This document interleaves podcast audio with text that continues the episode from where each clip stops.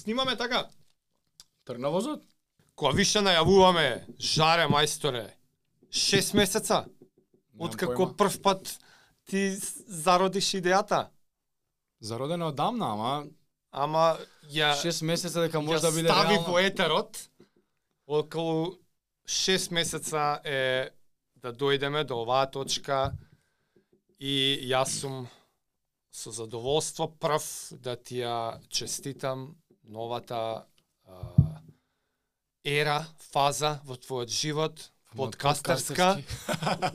Welcome во подкастерскиот живот, така што тебе ќе ти предавам сега, кажи како си ка подкастов и зашо ќе Се вика Зашто? байкерот и кросфитерот од Obvious Reasons. Байкерот и кросфитерот. Кај што ќе збориме за односно ќе ги едуцираме луѓево така. за онаа епизода што имавме Five Factors of Health. Горе доле околу тоа би се револвирала цела епизода, би, би возела тука околу, околу тие теми. Mindset, вежбање, исхрана, relationships, опоравак, спиење, Твојот живот basically. па Твојот, би твој, твојата обсесија у животот. Да. Ти си обседнат со со здрав начин на здравје, живот, да. well-being и од од доста одамна ти е јасно дека тоа не е само со физички тренинг. Да. Милион фактори Милион. се битни за да се живее квалитетно. И дека е процес кој трае цел живот. Така Нема е. а, 21 ден челендж, тоа заборајте си го. Е, така. Или си или не си. Подкастов ќе биде за тоа. Кој му е јасно, му е јасно, кој не ќе си дознае, ќе му се разјасни да се надеваме. Мене ми е чест што ќе ти бидам соговорник на Co-host. твојот ко-хост на твојот подкаст. И така и ќе си го викам, твојот подкаст. Нашиот? Може, може нашиот, ама бар на почеток многу ми е мерак што Значи си имаме дистинкција измеѓу Томе, си прави он Томас Да. перформанс, си стои тоа, не мрда нигде. Да, така. Гледате мали промени во студиото. Има мали промени, ама значајни. Па ајде почни. На кратко. Што воведе тука? објаснуваме, добро. Па Ова бо, е об, зашто е тоа и зашто е тоа позади? Фитест in Македонија, не дека е некоја титула во животот што треба да си горд нашава држава, али пак од Америка ми ја пратија која на Оп Крос Open победи 2016 од 8 такмичари. али пак убава убава работа е. А, тогаш бев и у животна форма од 2016 и вистински кога и да било, мислам тогаш ќе ќе бев прв. И ми е кејф, маицава сакав да урамам едно 6 години веќе. Чекај ти сега ја урами. Прв пат, да. Ја мислев у раме на тие виш. Не, ја уништив од носење, едно 100 пати ја може носена. Гледаш, не може да видат луѓе во малце тоа од поблиску треба, али избледени се оние CrossFit Game Open и така натаму. Али така ми е кеф и некој personal achievement, што так, црно на бело дошол и дека не било за Зашто е тој позади? Мојот спортски идол, А, Кристијано Роналдо. Од Майкл Џордан немам дрес, од Новак Џоковиќ имам рекет, може ќе го ставиме нареден пат. и стварно. Да, ми поклони едно дете што го тренирам, Макс, а, наш еден од најпотенцијални деца тенисери, 14 години има. И негов чичко Вујко се знаел со Вујко некој чичко на Џоковиќ и Рим Значи Аплод Џоковиќ ти Да, е да, да, рекетов. Го акнал од земја и као е дај ва некој дете. И Му рекол Ја. сакаш ја Џоковиќ, сакам, дај на внук ти на овакво. И они знаат неговите дека многу го сакаат и ми го поклонија. И вистински Џоковиќ го има држано на Рим 2000 не знам која година, ќе ти излежам. Ама Ама да. донеси и тоа да го е- закачиме. И е со дрцка на на рекетот, зашто го има удрено и изволте таму дај го на него. Не е рокнат скрос. Не, го играм јас, кој играм тенис, играм со тој. Озвел? Functional. Може, игрифе, не е проблем, не не прави проблем, али пак се гледа зрцката онака што го фукнал. И тој ми е кејфот. Си го закачаме ако викаш тука ако можеме на црвено. Па А више Џордан кој ти е значајно нешто што... А Кристијано Роналдо е од 2009 година, више крвнички го пратам, кај он за неговиот тим навијам.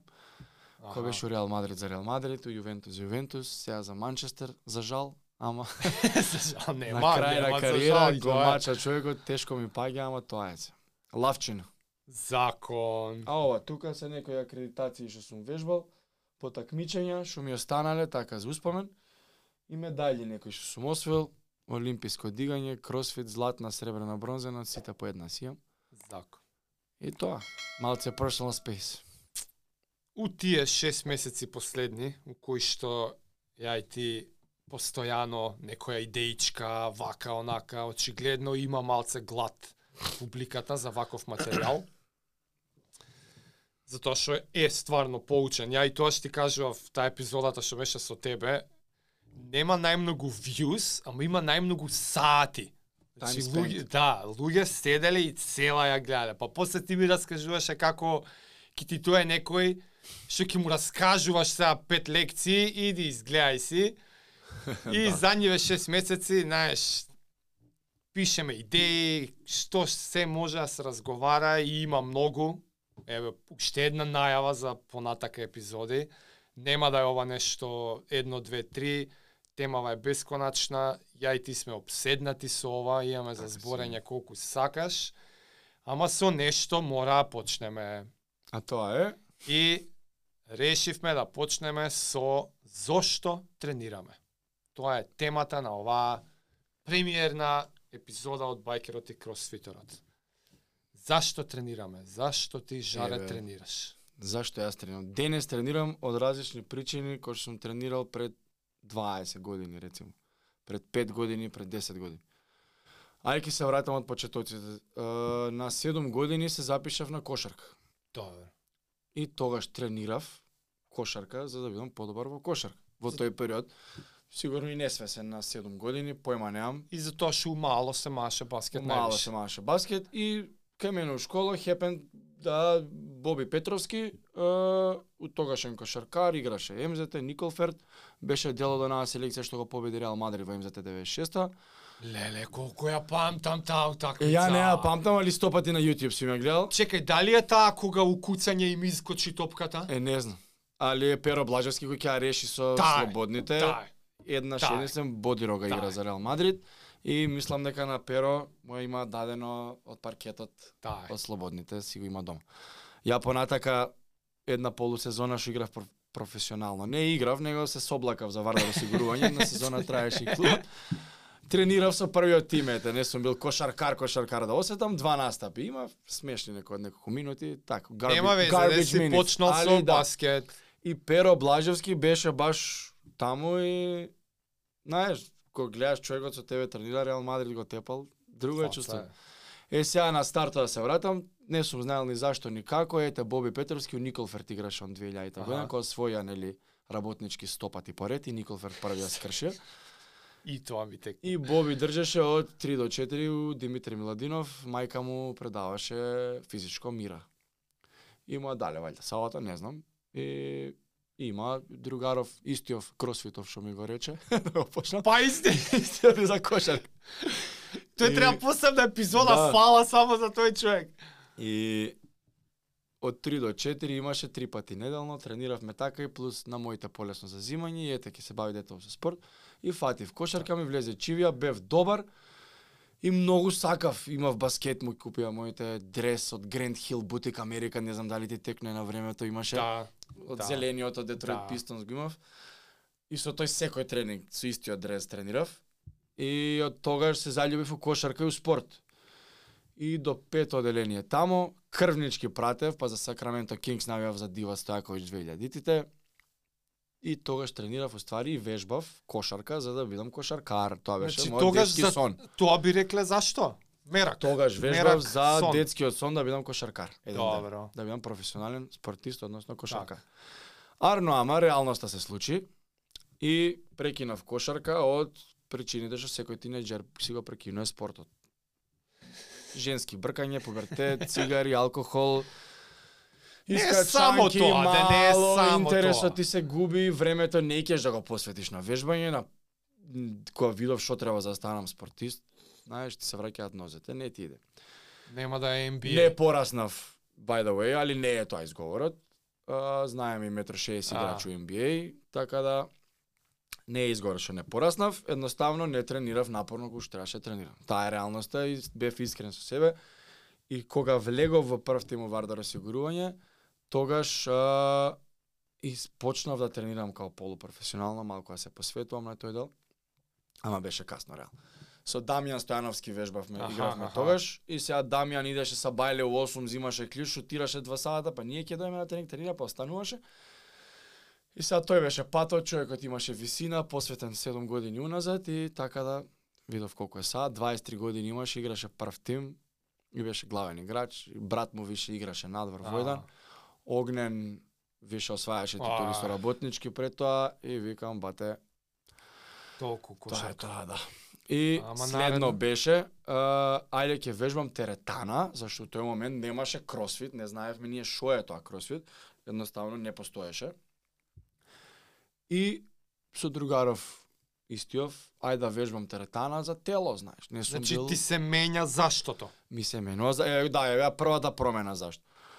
Ајде ќе идеме теретана, а вежбаме, зашто никад не сум бил дебел некој во животот, зашто цел живот вежбам од мал кошарка, 14 и пол години, 15 Аха. тренирав и јадев глупости. Да, ама пет пати тело. трчаш, млад, не се дебелееш. А, Немав тело, тело, стомачни, сикспек, ово, ама не бев ни дебел.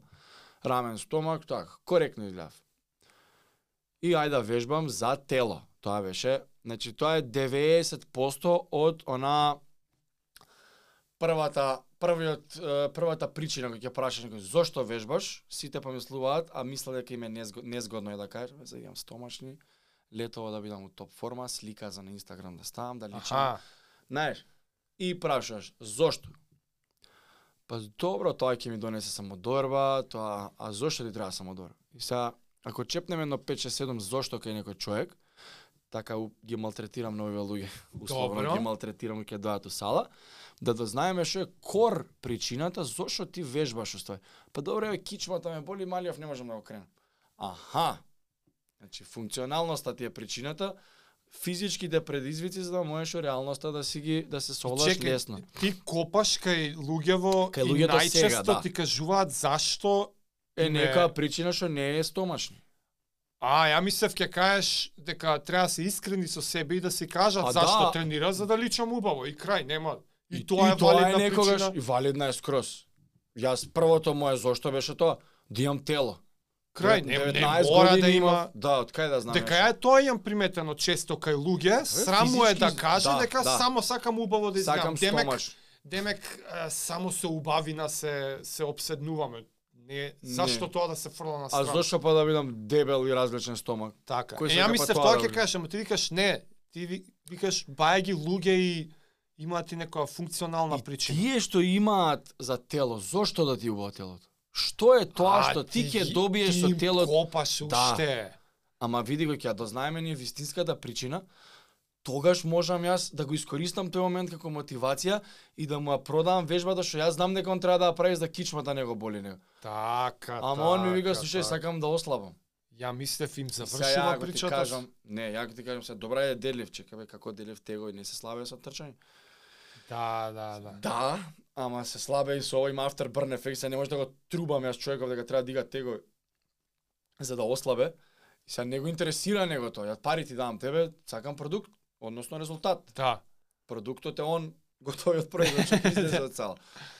И сега морам да копам и сега он ќе ми каже, слушај, за ова зона, и сега кому е тешко, ќе кажам, слушај, абе, ве, не можам денеска ми искочи нешто. Добро, сакаш сега да фатиме ова што ти е поважно. Дај го право сега ќе тоа. Се тука се тие ситници кај што може да избега он по лош пат. Една кримина Јасно. фали, толку е. Добро, ама сега у твојава прича, У мојата прича е тело беше се смени, на 19 години, да, наредна тело причина да имам, тело. Да. Океј. Грудите ми пораснат, стомачни сакам, Добро. женски да бркам, да личам на нешто на плажа, разбираш? Океј. Тоа беше мојата прича. И другаров ми вика, слушај, испадна кросфит, бла бла бла, Тогаш доаѓа мовет, да. причата кросфит. Добро, пробав, беше супер, ме бенди септен.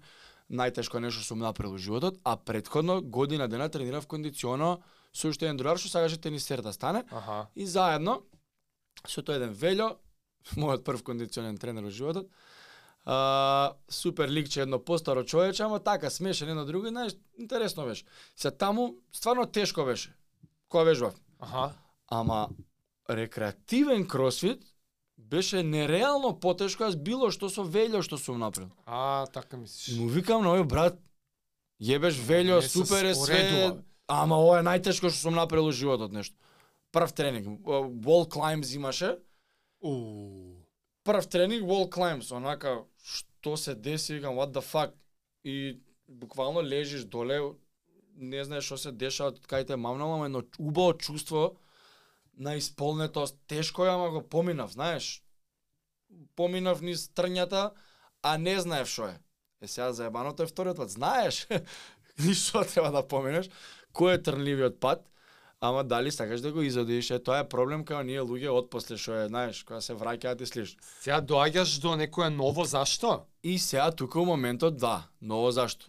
Има ли и овој другаров уствари неговото зашто беше случај има ова кросфит а, open, open и сам ми го објаснуваше неговото беше тоа. И сакам вика, викам ти зашо вежбаш цело време? Која е целта му? Како може викам некој како така обсесивно да пази на јадење, да вежба, викам без цел, викам без цел не можам да вежбам. Викам. Кошаркар сум, да, ќе трпам тука, ќе го јадам, знам зашо вежбам. Ама ова Чекај, фитнесом не- другаров безцелно тренирал. Да, напорно, пренапорно. Е, ќе земе, ќе пази крвнички, ќе прави ова, ќе За ништо. Так, он беше буцко Добро, порано. са и За он си ослабе. имал некое Ама он зашто. има, ама се не знам дали мене не ми го кажа. Јасно, јасно. Пак сме биле деца 19 години, разбираш. Е, и сега ја му се исчуѓава, викам, како можеш, викам, ти да вежбаш, да ништо, викам, кај, зашо? Не, Јас сум исти така. Зашо, викам, да се мачиш? И вика, «Е, дечко, има едно, вика, сега со кросфитот тука, Ако го поменаш Open има едно Originals, вика 40 на, па идеш таму, ако си топ 3 идеш на CrossFit Games, ако си прв си fittest on earth, најфит на планетата, вика си. Е сега ова маичка беше fittest in Macedonија, Првото ниво. level 1. Е сега за стигнеш до fittest on earth, Мет Фрейзер, Рич Фронинг, нели, четири пати Добра. поред пете, Джастин Медейро сега дечко оше два поред е више добар е, почиња да. А, тоа е некој нереален левел, ама тој момент не беше толку популарно 2012 година ова јануари. Кросфит Скопје од септември 2011 и се четвртиот месец на Кросфит Скопје сме го фатиле ние. Зашто другаров се тражеше со програми цел живот, Аха. оваа програма не, сега точак возам не, сега ова сум не, тенис, кошарка. И не можев да се ослонам на него, зашто стално ми, ми шифташ. Аха. И затоа кажа, бе, бегај сега ти само менјаш, не дојди пробај ствар. И пробав све, ми се свигаше многу. Чекај И јако јас што те слушам. вежбам рекреативно и не знам зашо вежбам. Вежбам за тело. Прво што изгуглав? CrossFit Body на Google. А, окей. Те Како уште те, уште те влече предходнава, предходното Да, зошто. Не, не, не, е, врска нема да ја се такмичам. Дека мислев готово, се свична на првенство. Не, не, не, воопшто. Тоа е после година и пол. И тука, добро, CrossFit Body, сега на Google ги барам. Па добро, изгледаат батиња, викам не се билдер, некој А. наби толкави рамења, знаеш.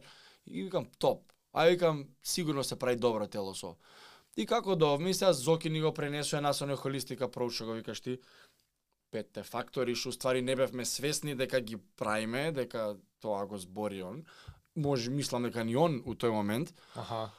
Ши кросфит беше у многу рана фаза. Само овој Грег Гласман основачов му беше целта да луѓето ги тргне од диабет, од Да, да, да, инсулини, текнува, да. од Кока-кола, се тужи со Кока-кола, милиарда спорови им има добиено, судски овакви и онакви. И него беше шеќерот да го изфрли да да крене awareness на светско ниво за рафинирање шеќер колку е лош. Јас. Број еден не пријател спад, Кока-кола. И јадеше гомна на Олимпијада. Не ви ли ви е срам, Макдоналдс ви е спонзор, Кока-кола ви е, шеќер, Ми ова, текиња, што да. е ова, вика срамо, да, да. И сега он идеше all in човеков. Е, сега овие пет фактори што кажеш ти, почна Зоки да ни го пере мозокот условно, ствари да не, из, да не вади на правиот пат во животот. И од тука добро, ово, ама ја пак дете не ги разбирам уште работи. Не ми е, немам свеста уште до 2 на 25 се оформува мозокот скоро 100%, разбираш? За да доеш до нај да зошто го правиме тоа што го правиме за да А, го так. сватам тој концепт. Ја не го не можев да го на comprehend, не можев да го сватам, не знам како да ти објаснам. така да, така. Буквално не не, не разбираш зошто ти го. Најдлабоката срж. Да, што денеска ја разбирам перфектно.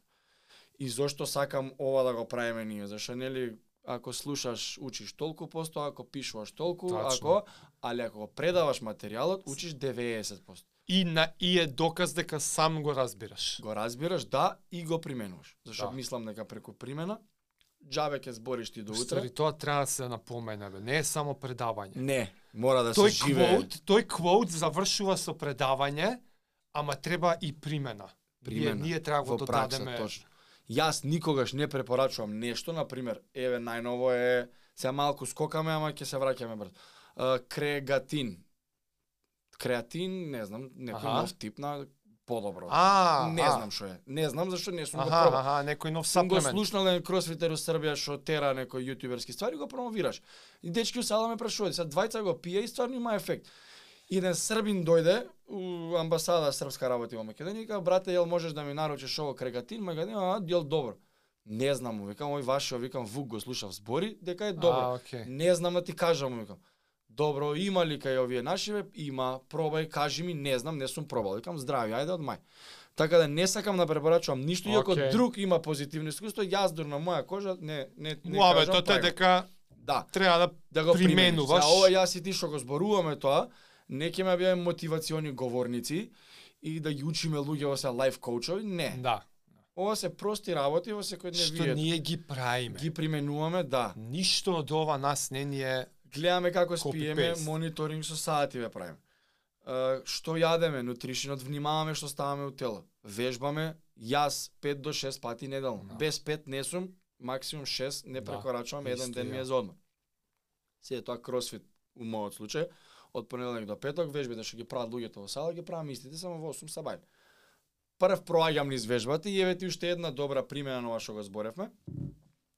Кој ќе те праша после, абе, како вежбата на втор сет, на трет сет, на колку килажа да ставам, што да бркам, колку време, колку резултат.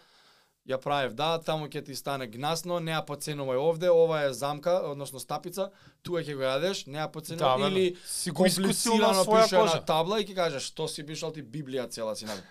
Опушти се што покомплицирано изгледа тоа поедноставно. Веќе знаеш, пак низ примена можам да те научам и да ти кажам моите грешки, кај сега ти го скратам патот. Да. Ама, ова све го раскажуваше за да доеш до моментот кога си до последното зошто. Да.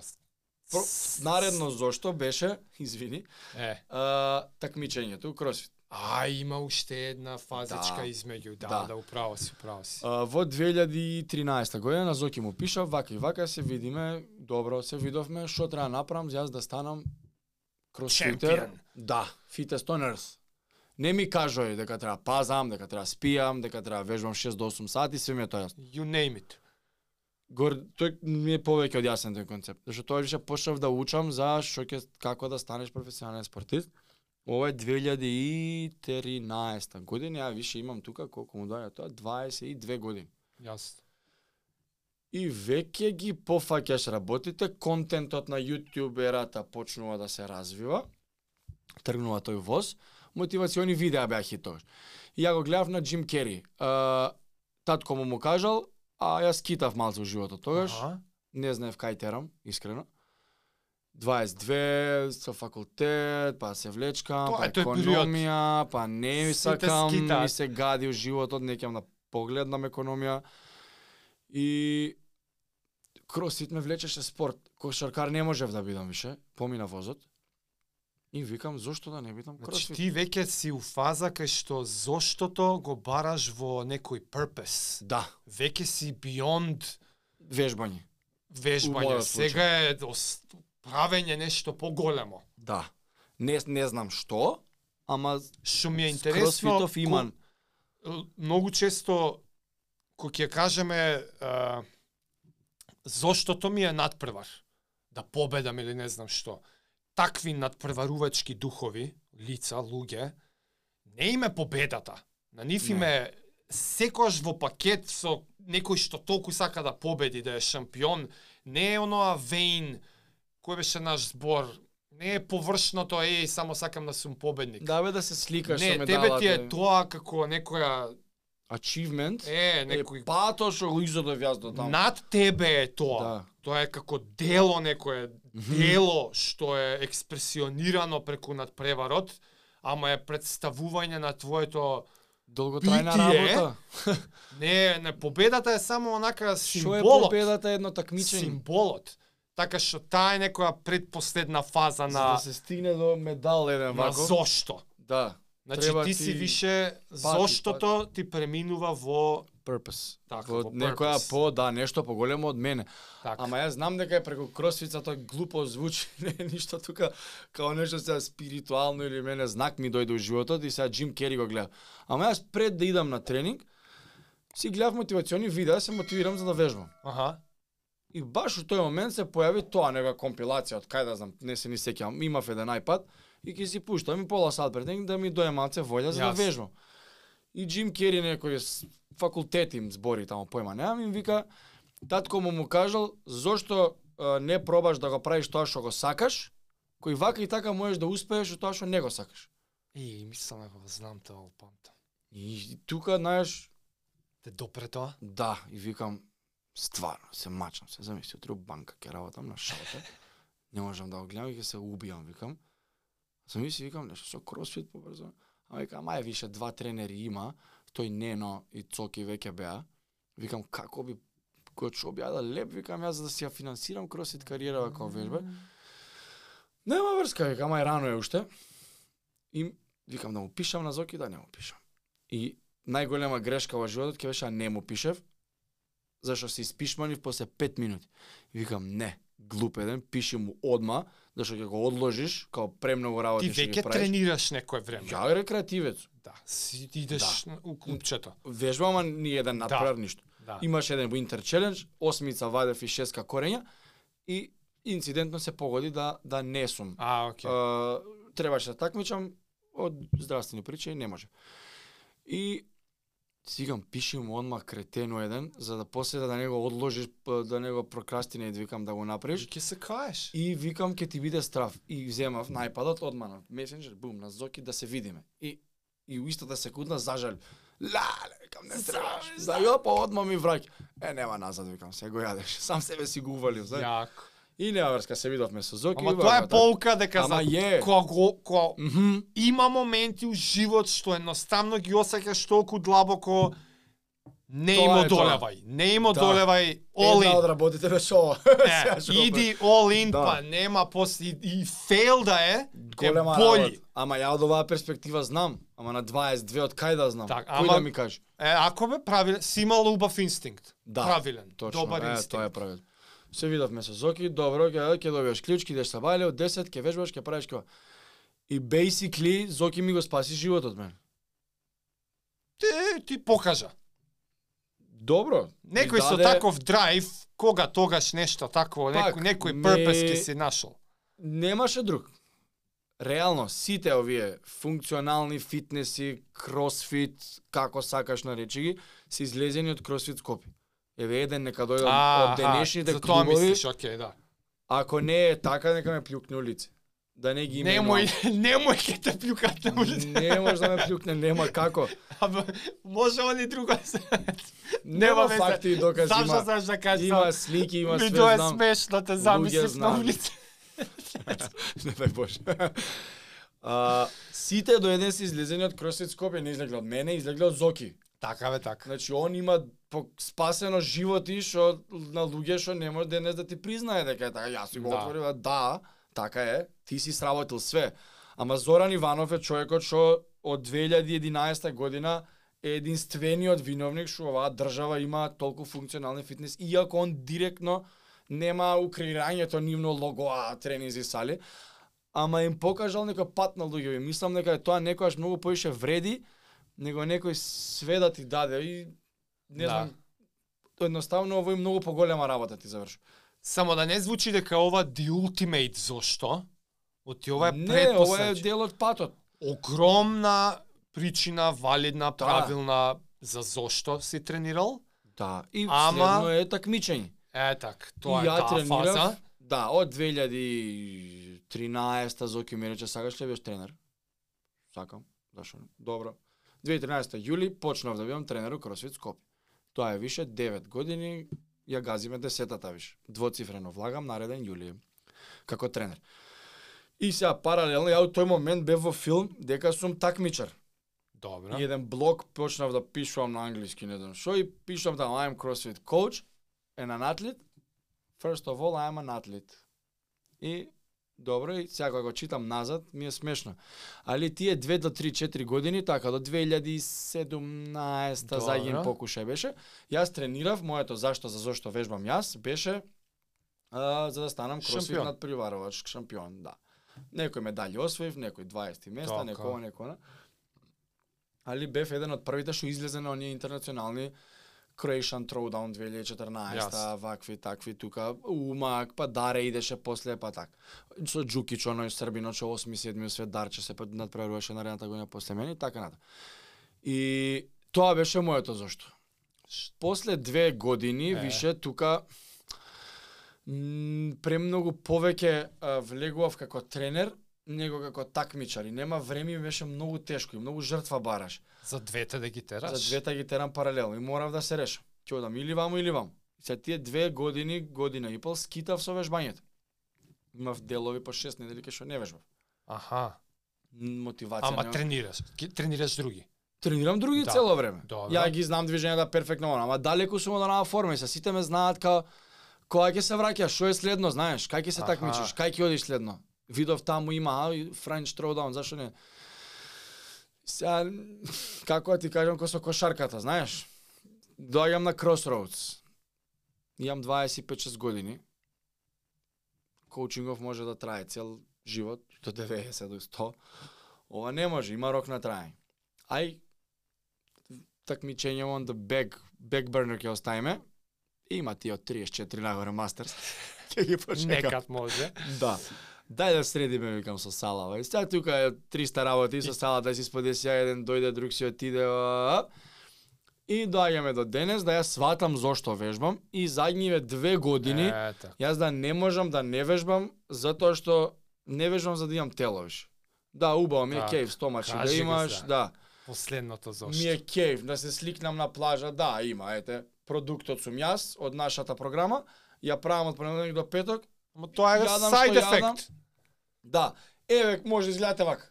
Јас го правам тоа. И можам да ти го кажам примерно зашто патот го одам. Не те лажам, јас не ти гам теорија, у пракса ево. Некој му се свига, некој не. Сака поише, сака помалце. Не е ни важно. Али сваќам како менталниот дел и и ментал хелтот ми го спасува, особено кога се деси коронава. Мгм. Многу голем број на луѓе отидоа кај што не треба. Се исподкажа? Не, не, не, не зборам за вежбање, него А со главите. ментално малце. Да, ван аха. вежбање зборам. Значи многу луѓе отидоа Сваќам, сваќам. паника, страф од болест, чекај, маска, корона, Мгм. фатил, не фатил, па имале вишок кила, па немале, па леле, Депресија, па депресија, па дома, па да, тие гадни работи, па те джвака црвот, па не знам зашто.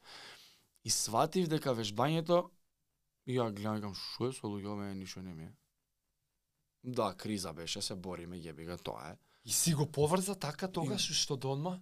Па не уште од мама некое време. И ќе се испотам после вежбање. Ќе седнам на клупата и тука знаеш испотени уште седиме се доцедуеме со 5-6 души што вежбаме стандард. Јадеме гомна нешто и вежба ова вежба. А ти како а, хакара хикери, треш тока едно друго. И ти крадеш, не крадеш, ме тепаш. Да, и заеб, се заебаваме, нема врска смешки од се бај. И и некој вика, е, ова е тоа, тоа. Не, не, да ме убиеш не ми текне, кој се еден кредит да му дам. Ама се вика, е, ова е тоа зашто се вежба. Ја го гледам, викам, шо бе? И испаден седнал, е, ова чувство, вика, со пари не се купува. Го гледам, викам, Се најжив да ти викам, стварно, биш, ај, утре, викам, свесно ќе видам. Завршува пак, вежбаме нешто, испотени, цели, убиени, седиме и седно. Викам, стварно, маме, ти ебам, викам, е, го, го осетив ја, тоа е тоа, викам. Е, ради ова вежбаме, ми викам. И не знаеш Не знам Немаш како, не у знам тој зашто, момент. Да. Сега викам, Господ не може да ми изнервира, да дојде, да каже, ти се запали станот. Добро, дај пожарна, ќе викнеме, ќе се смееме. Нема да изреагираш, знаеш. Она има еден стоик момент Да. и, знаеш, друго е кога читаш е, вежбањето, лачи допамин, ендорфини и хормони на Што е се точно? Не викам не. После навлегов малце подлабоко. Гледам Джо Роган збори за истото. Вика, «А, не може да функционира. И се пронаоѓам човече, викам, стварно, маме, маме, викам, вика, ја ако не излежам дента сум друг човек. Па викам, што знам дали има тога у недела кога не лежам. Супер ме дома мисирам, лежам, ручек е мајка ми, ке на жена ми, не извините, кој. Добро. Да, ја одмор. Четири дена праќаат. Од којата раса се фрлам. Викам, ја, три дена. Пичко. не се трпи. Јас сека така се заебам. Готово се фрлам жена ми тарас. знае, веш, вика, што ја почнаа дзензаш, трет ден. Немаш направено тренинг. Викам, да. Мрш надвор тренирање Све што не. нервира, викам, да. Добро, знаеме сега на одмори 5 плюс дена да нешто да доеш да вежбаш. ја тоа ја, ја јадам гомна стално го кажам. Оди на одмор, јади што сакаш, спи до кога Да, да, сакаш, да. пуши, пи, што сакаш прави. Get it over with. 10 дена се одмор, се вика од животот е одмор. А. Не е одмор зашто си на плажа, одмор у село оди твоја работа, да, кај ти да. тебе убаво. Али одмор е да се одмориш од реалниот живот. Тука не си во реалност, кога си на одмор, реално. Да. Пуши, пи, јади, глупости, што сакаш. Немој да си вежбал. Оди и да не пипнеш, викам. Ама сам се побивам сега, знаеш тоа што го зборевме у пракса, еве го, не е така баш. Абе треба, треба и тоа да го осетиш. Еден дечко што дај у сала за година, у јуни на одмор, вика брат ќе пушташ вежбици. Абе викам не досега оди си турска all inclusive си, викам брка работа жена, деца, викам терајте си одмор да ти. Не, не, не си нормален ти теретани, има две недели, ќе се збрцам вика. сега се што е? Имаш ли најдено зборови? Што ти е Сега последно во зошто зошто? вежбам јас е за mental clarity, за физичко здравје, за психофизичко здравје. И Психофизички. многу битна работа, видиш, од мене што ја не сум ја осетил на моја кожа зашто не сум имал проблем, али многу битно за луѓето што не се например мојата позиција и не вежбале професионално ми е глуп, не можам да кажам професионално, ама Посветено. се спремале за кросфит надпревар, јас вежбав по два пати на ден, понеделник до среда, петок и сабот. А што што ти е глупо да кажеш? а, што и не осетиле? а, кичма, мишма проблем А, сум не, немал. а, окей. Мускулите ми биле, значи, по 6 сата тело острпело тренинг со си килажи, немал, со чудо. ама јасно ти е што те спасило. Да. И сваќам од оваа перспектива, што јас сум се укочил у кичма да неколку пат. Да, бе. Ама за една недела вака си оди. Некако други по три месеца да се. И ди ја Јасно, за пам да јасно, јасно. пијат, и диклоджет, и овој. Јадев гомна, на 30 години ми се деси на бањење да се избришам, так. Тука, кај, од овде, од кај А под мислам дека раскажуваше на, Да. на епизода тоа, да. Се фатив. Не, тогаш кажав со А не, друго беше, да. Ова на бањење, викам како си кивнал си се фатил у кичва да не ме заебава, викам што си ти дедо? Абе како да ти објаснам? И ја да се избришам, да так. Еј. И една сензација како некоја како главата ти ја бута надоле. Спазам сведеш, маме да. моја, ба, викам гомна јадеш глупен, викам тебе те снајде. Околу нова година беше тоа. И глуп илјада брпис направивме на 31 А, 21 према 22 и бетер тоа тука. И отидов кај едно бате со струи мој една друга, ама ми помина. те изведе, окей. Ништо е, не, ја не може да се свртам вака прав. Со цело Да, бе, да. па се вртам. Не сум па речуе, не сум речуе паета фати. Та, та, та. Сакам да кажам, јадам гомна, ама ми се дешаваат и мене постепено работите и не треба да го правам тоа. Зашто со алергиите. Не дај Боже. Муабетот од превес. Да, така да а, сум осетил и таа мака луѓе што имаат. Окей, окей. А, се фатиле у кичмата, а, нем коленото, куковите, едно, друго, со рамото мака не може од кревет да станат, сум се чудел. Не сум го имал по грешка тој проблем. Зашто сум се спремал, ми закнеле мускулите, не таа потреба од друга, Да, за 220-30 кила дедлив да дигам и 100 кила снеч. Ама by product било бифтеците позади, ми се камен, немам не може да, имам проблем, немам дискус, немам ништо. Ме закача ишијасот на левата страна, на десната. Ама тоа со масажи си проја. Е сега, Што јас сум значи? имал таа среќа и не вежбам за физичко здравје. Е, така. Не сум вежбал. Ама сега ако прекинам и јас што тоа мускулите не траат вечно, Е, па тоа ти беше да, и Последново. сега се префрлам во некоја фаза кај што му се чудев на другаров 10 години предходно, како можеш да вежбаш ти се овам за нешто друго вежба. Ама сега ја сваќам прв пат во животот ја сваќам убавината на рекреативното вежбање. Да. Да не се спремам за нешто, него да вежбам Да, за животот, да. ми е полесен. За утре кросфит има многу убаво објаснато со wellness, uh, sickness, wellness, fitness continuum. Аха. А, тука си болен, здрав, фит. И сега оската иде вакај. И фит бесконечно можеш да ја повлекуваш. Што нема крај, да, нема да. end goal, нема крајен резултат. Така. Него цело време си пофит и пофит, ние тестови правиме кросфит. Подобро ти е времето за една година него што било претходно. Повисока килажа Јасно. си подигнал и слиш. И таа оска некоја само се продолжува надоле. Е сега ако си фит, ако те фати кишма да како мене, ќе доеш у здрав Ама и ќе се откочиш брзо и се враќаш у фит. така, така. А ако си здрав, те фати кишмата, влагаш у болен. А, И- тоа сакаш да кажеш. Да. Тој ја- баферот ти е поголем. мислите сега како полукруг. Да, бе, да, да, си да. здрав, Така, тук. така. Што си подоле, те Тачно, фатило тачно, корона, за два дена се враќаш. Тачно, Тука те тачно. фаќа, ако си болен те фатило, не дај Боже, идеш у кај што не треба. Кај што Да. ден ќе завршиме сите, ама зошто да се деси поран? Да. Е сега, дава здравствени бенефити зошто вежбаме.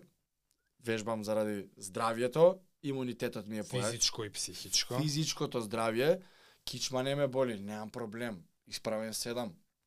Убаво, барем јас мислам дека изгледам ми е кејф како што сакам да изгледам. Да имам стомачни гради, тука убаво рамења, све. Кој се сликаш утре, да личиш на нешто.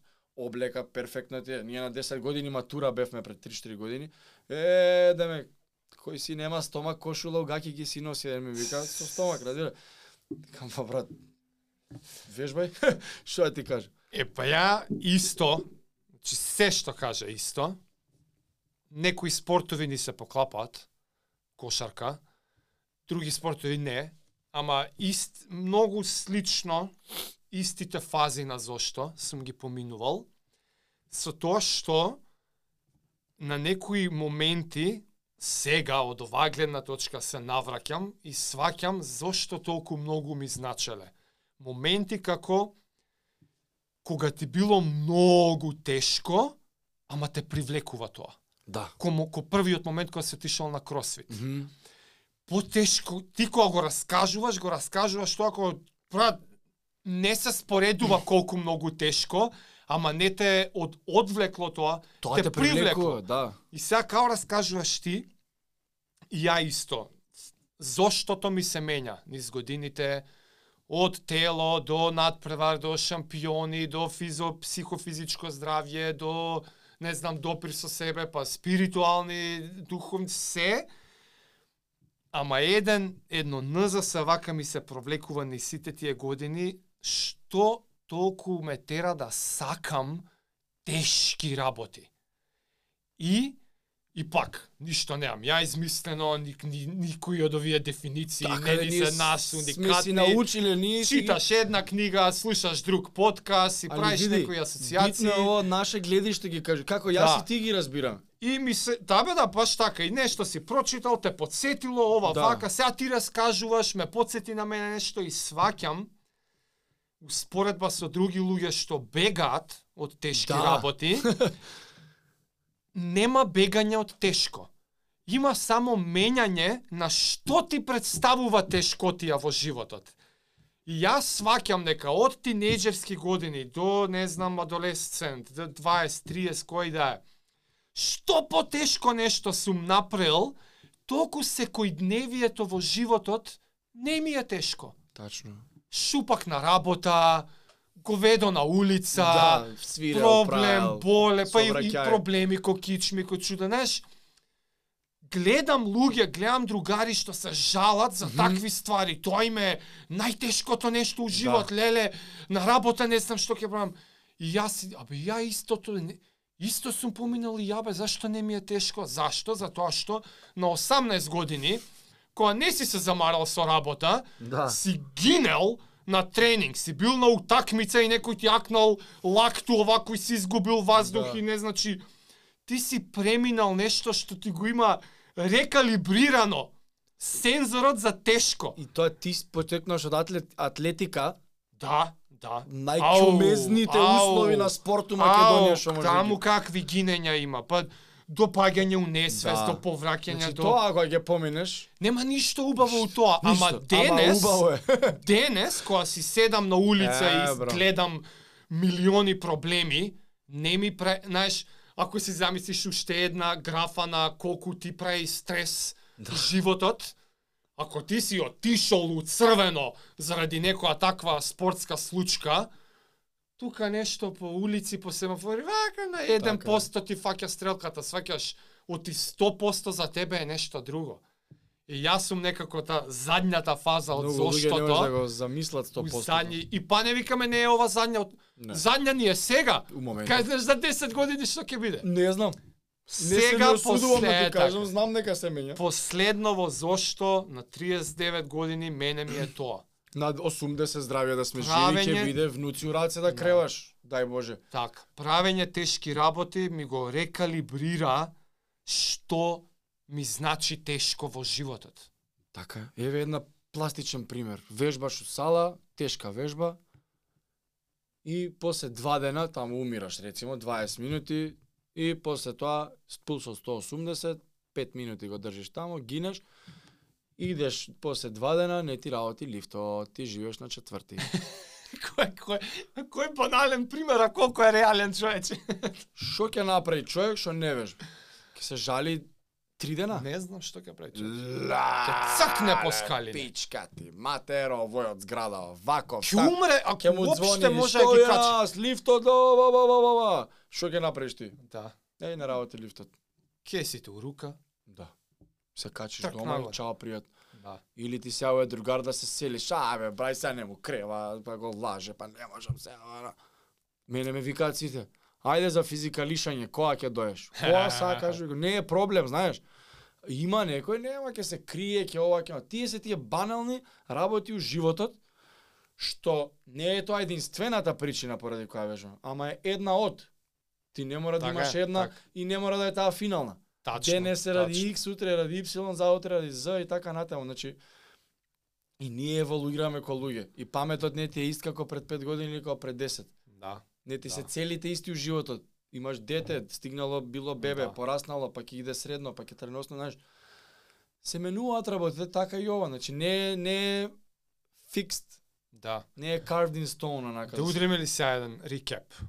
Значи, зашто тренираме? Сите причини што ги набројавме се добри причини. и валидно. Нема лоши, Да. нема нема добро лошо тука. Нема, да, да, Причините нема погрешна причина. Се обраќаме на секој човек во било која од овие фази. Сме ги поминале, имаме што да кажеме, Така е. кои се надеваме дека на некој ќе му се корисни овие информации. Ова е само најава. Во секоја од овие реченици има сати сати материјал како сме дошле до тоа, какви искуства, какви конкретни вежби, какви конкретни навики Охо, во живот, во психа, во што све не. Така што оваа епизода е само најава и понатака ќе навлагаме се подлабоко. Е, и мора спомнам дека За шеќерот у кафето? тоа е друго. тоа е друго. Не бе, да, да спомнам дека паралелно со ова а, има едно друг тип на материјалче што ќе го пуштиме да го гледаат луѓе како бајкерот отиде на тренинг кај кросфитерот и како кросфитерот отиде на тренинг кај бајкерот. Тоа е Со друг full on тип на видео све, да. ќе ќе биде тоа посебно материјалче, интересно, ќе го најавуваме сега. Не знам дали ќе се случува друг пат понатака, па. може ќе добија чат пат некад на тренинг кај тебе, може тебе те фати Ако мерак има за интерес, види мерак ми ама само до горниците, пак да, Да, се да, симињам да. со кол. така што така ова е на најавна епизода. Уште еднаш мене ми е мерак да бидам ко-хост со тебе Исто. и да ја затвориме сега за сега па Фала ти на приликата и на платформата што ми овозможуваш, зашто ја ништо од ова не би бил да не си ти. Не. Ти го направи, ти си Зоки у подкаст светот сега за мене. така да фала ти и на тебе и да си ја направиме целта да креираме срекни здрави луѓе Така. И сите што ви е коуч жаре, да им даваш у програма, да ти ја гледаат. Секоја епизода Еј, тоа е причина плюс што го ги правиме. ова. испрашуваш Да. утре дента. Не можам ја на луѓе у сала колку можеш да посветиш внимание. А вака тука саат време, саат и ќе се ја скоцкаме. Колку и надвор од сала може да гледаат луѓе. Не е тоа Да. без Да, пари, да, да. значи кој Така сака, е. кој воли, нек изволи. Толку од нас за прва епизода.